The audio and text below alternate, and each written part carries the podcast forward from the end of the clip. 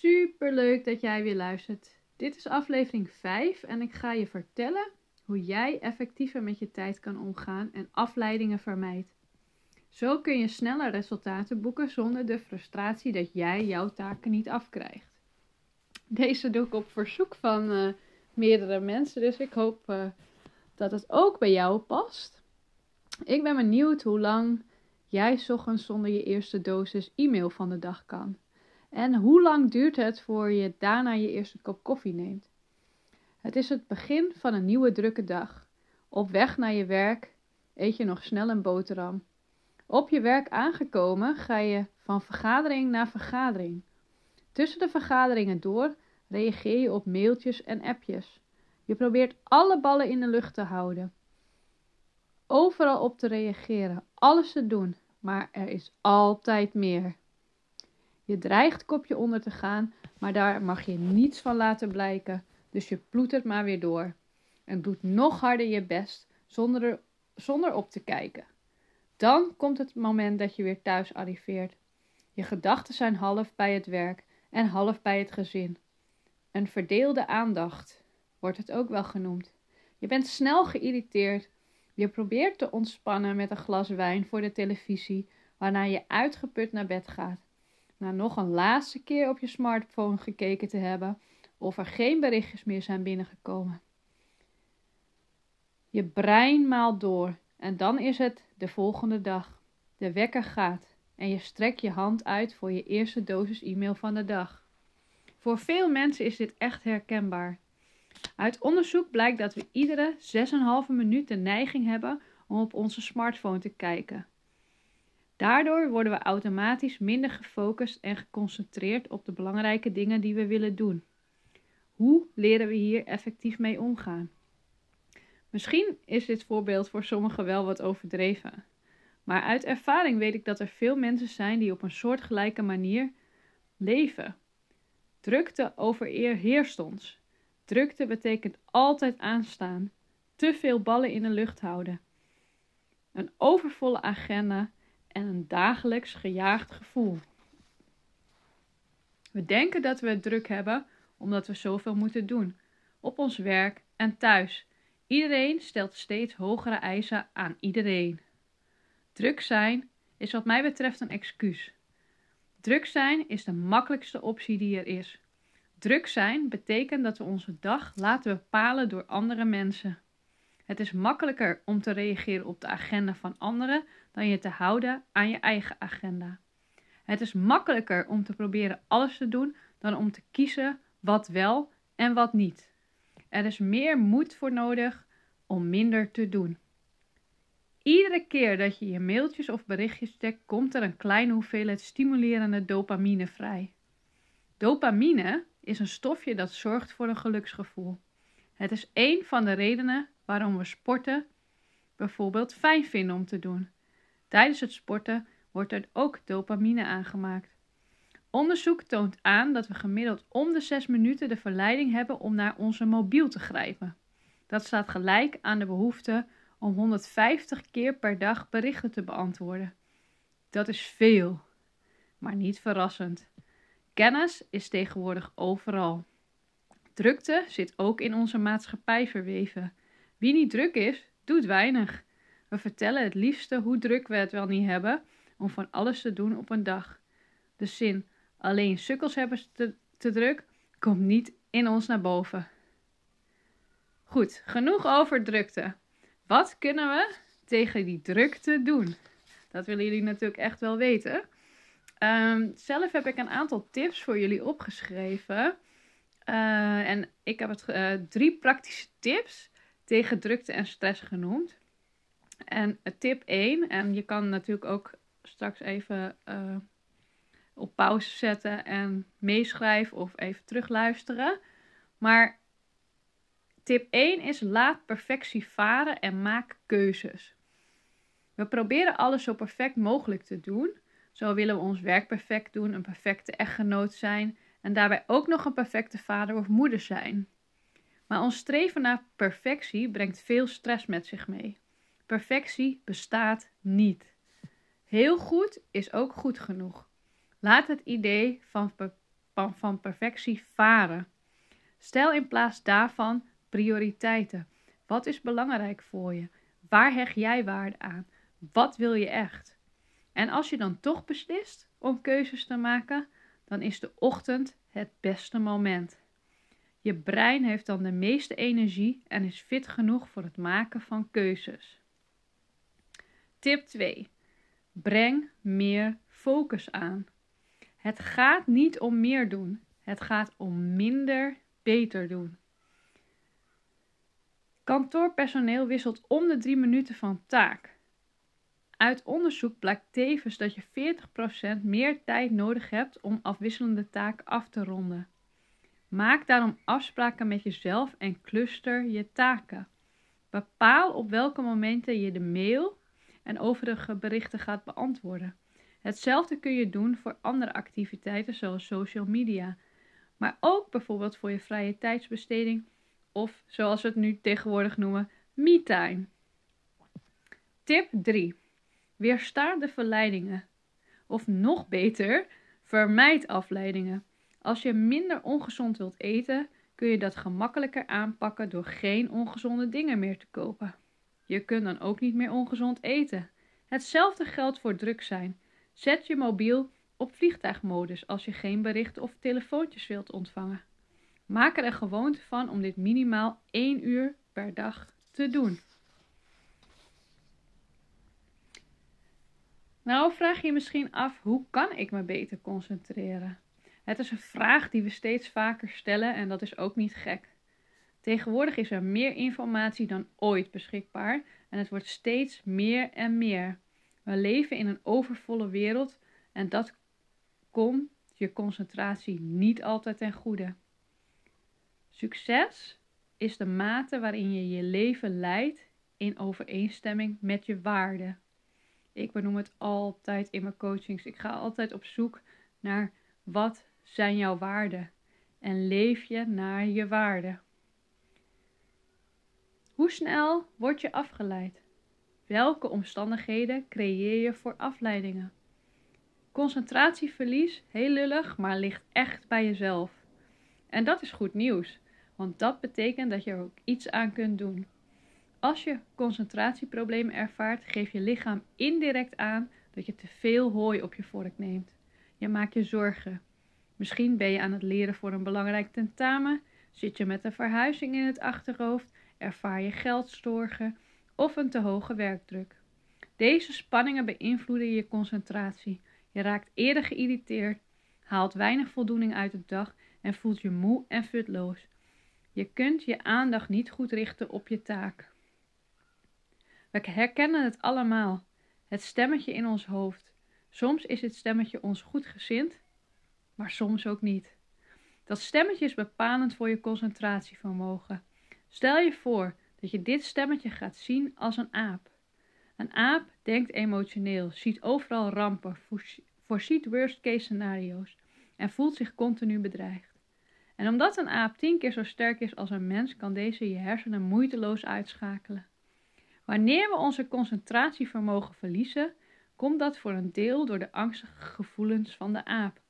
We zijn bezorgd en piekeren over een probleem. Zelfs als je weet dat je je moet concentreren, lukt dat niet. De aap heeft te veel kracht, met als gevolg dat de aap in je hoofd blijft rondslingeren. Het is belangrijk dat je de aap gaat herkennen. Als we de juiste keuzes willen maken en ons beter willen concentreren, moeten we de aap weten te kalmeren. De aap zal nooit veranderen. Zijn driften en instincten zijn wat ze zijn. We kunnen dit het beste doen met de herwaarderingsstrategie. Het gaat hierbij om een herwaardering of evaluatie van een gebeurtenis, gedachte of ervaring. Dat kunnen we alleen doen door onze prioriteiten onder de loep te nemen. Waar het dus eigenlijk om gaat, is stem de aap. We laten ons afleiden door de aap, omdat het brein voor de makkelijkste weg kiest. Eenvoudig gezegd, als er een keuze is tussen makkelijke en moeilijke taken, kiest het brein voor de makkelijke weg. De grootste uitdaging voor concentratieproblemen is het vermijden van afleidingen en verleidingen. Dus vermijd de afleiding en verleiding. Onderzoek toont aan dat de gemiddelde smartphonegebruiker elke dag 150 keer de neiging heeft om de mobiel te kijken. Dat is elke 6 minuten, zoals ik al eerder heb verteld. Ander onderzoek laat zien dat 50% van de deelnemers niet in staat waren om de informatiestroom van berichten te weerstaan. Bij elk bericht, geluid of piepje reageerden de deelnemers door direct te kijken. Niet bepaald een staat van concentratie zou je zeggen. De truc is, word je bewust van welke verleidingen jou van belangrijk werk afleiden en tref preventieve maatregelen. Nu heb ik het natuurlijk heel veel over de smartphone, omdat het echt op dit moment echt wel een van de grootste focusproblemen is, een afleiding is, maar er zijn er meer. Dus onderzoek jouw afleidingen. De vraag is: hoe neem je die preventieve maatregelen? Hoe kan ik me beter concentreren? Apen blijven bestaan. Je kunt ze niet verwijderen. Er zijn drie maatregelen die we kunnen nemen om onszelf beter te concentreren. Van verleiding naar vermijden. Wilskrachtige mensen vertonen veel zelfbeheersing omdat ze krachtige en effectieve gewoonten hebben ontwikkeld. Deze mensen weerstaan de afleiding niet. Ze vermijden de situatie. Als ze gezonder willen leven, kopen ze uitsluitend gezonde spullen. Geen weerstand, wel vermijden. Je hebt geen ijzeren wilskracht nodig, maar ijzersterke gewoontes. Dus dat is 1. 2. Slik die kikker. Brian Tracy beschrijft in zijn boek Eat That Frog. De mensen die mij goed kennen, ik doe dit al jaren. Eerst de kikker wegwerken en dan de rest. En het is een super belangrijke tip voor een betere concentratie. Volgens hem moeten we aan het begin van de dag een levende kikker doorslikken. Het eten van een levende kikker staat in zijn boek symbool voor je moeilijkste taak van de dag. Het idee is eenvoudig. Als je de dag begint met het doorslikken van een kikker, dan is alles wat daarna komt minder erg. Op deze manier bouw je energie en zelfvertrouwen op voor de rest van de dag. Het geeft rust en niet onbelangrijk, door als eerste te werken aan je moeilijkste taak, ga je uitstelgedrag uit de weg. Nummer 3. Check jezelf. Door ons eigen gedrag te meten, worden we ons bewuster van wat we doen. Hetzelfde geldt voor onze tijdsbesteding en concentratieproblemen. Wanneer ben je wel volledig geconcentreerd en wanneer niet? Check jezelf en ontdek de vaste patronen. Doe meer van wat je doet als je volledig geconcentreerd bent. Voor mij werkt het bijvoorbeeld erg goed om te beginnen met mijn moeilijkste taak.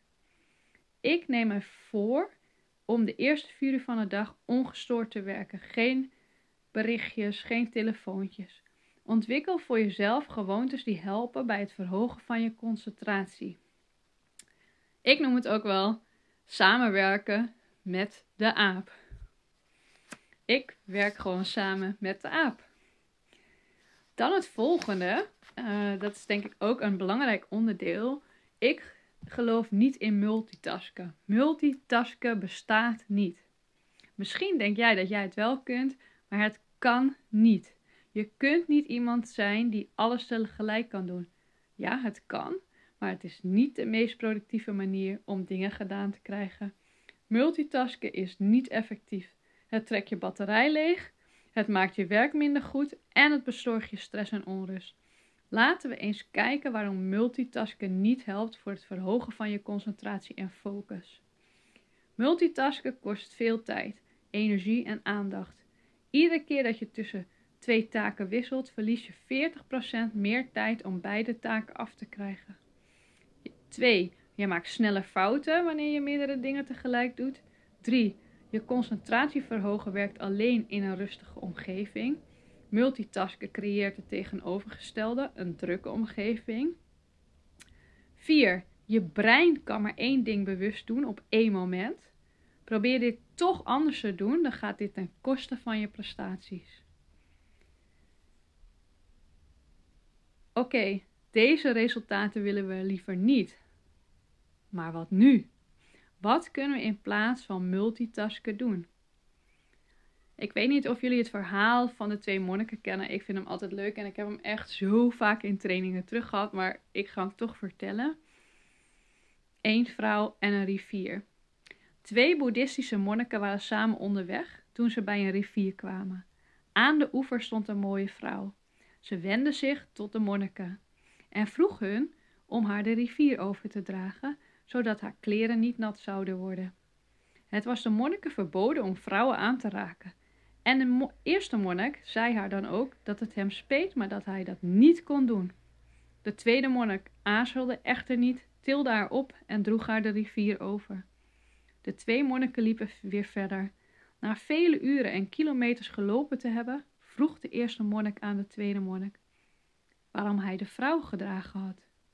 Hierop antwoordde de tweede monnik: Ik heb haar de rivier overgedragen, wat maar een paar stappen vergde. Jij draagt haar al vele kilometers met je mee. Dit voorbeeld laat zien hoe krachtig het is om taken direct af te ronden. Doe je dit niet, dan blijf je rondlopen met die gedachten. Dat levert stress en onrust op. Concentratie verhogen met singletasken is krachtig. Waarom? Omdat het simpel is en veel voordelen biedt. Wanneer je begint met singletasken, zul je merken dat je je beter kunt concentreren. En deze verhoogde concentratie stelt je in staat om sneller door grote problemen heen te werken. Je leert scherper na te denken. Daarnaast kom je wanneer je werkt aan één taak sneller in de flow. Je vergeet de tijd en lijkt één te worden met je taak. Het resultaat van flow is een verlaagd stressniveau en verhoogd geluksgevoel. Bovendien zul je merken dat je effectiever met je tijd omgaat. Je wordt productiever, taak na taak. Je wordt niet langer afgeleid door tientallen half afgemaakte taken, honderden berichten of andere nutteloze afleidingen. En dat je meer gedaan krijgt, geeft dit je een voldaan gevoel. Je hebt meer focus, waardoor je betere prestaties neerzet. Je houdt meer tijd over omdat je meer gedaan krijgt in dezelfde hoeveelheid tijd. Je verhoogt je concentratie niet alleen op je werk, maar ook in privésituaties. Je leert hoe je tijd voor jezelf kunt nemen en die tijd ook neemt. Je vergeet de tijd omdat je de flow te pakken krijgt. Dit zijn toch wel vijf punten waar je blij van wordt, zou ik zeggen. Ik heb ook nog uh, zeven praktische tips die je zou kunnen doorvoeren om van multitasken naar singletasken te komen. En dat is ook wel een mooie. Dus um, tip 1 is richt je op niet meer dan één ding tegelijk. Tip 2. Bundel kleine taken tot grotere taken. Een voorbeeld: open je mailbox één keer per dag en beantwoord op dat moment al je mailtjes. Punt 3. Begin de dag met je belangrijkste taak en vermijd elke vorm van afleiding. dus de kikker. Gebruik de vliegtuigmodus.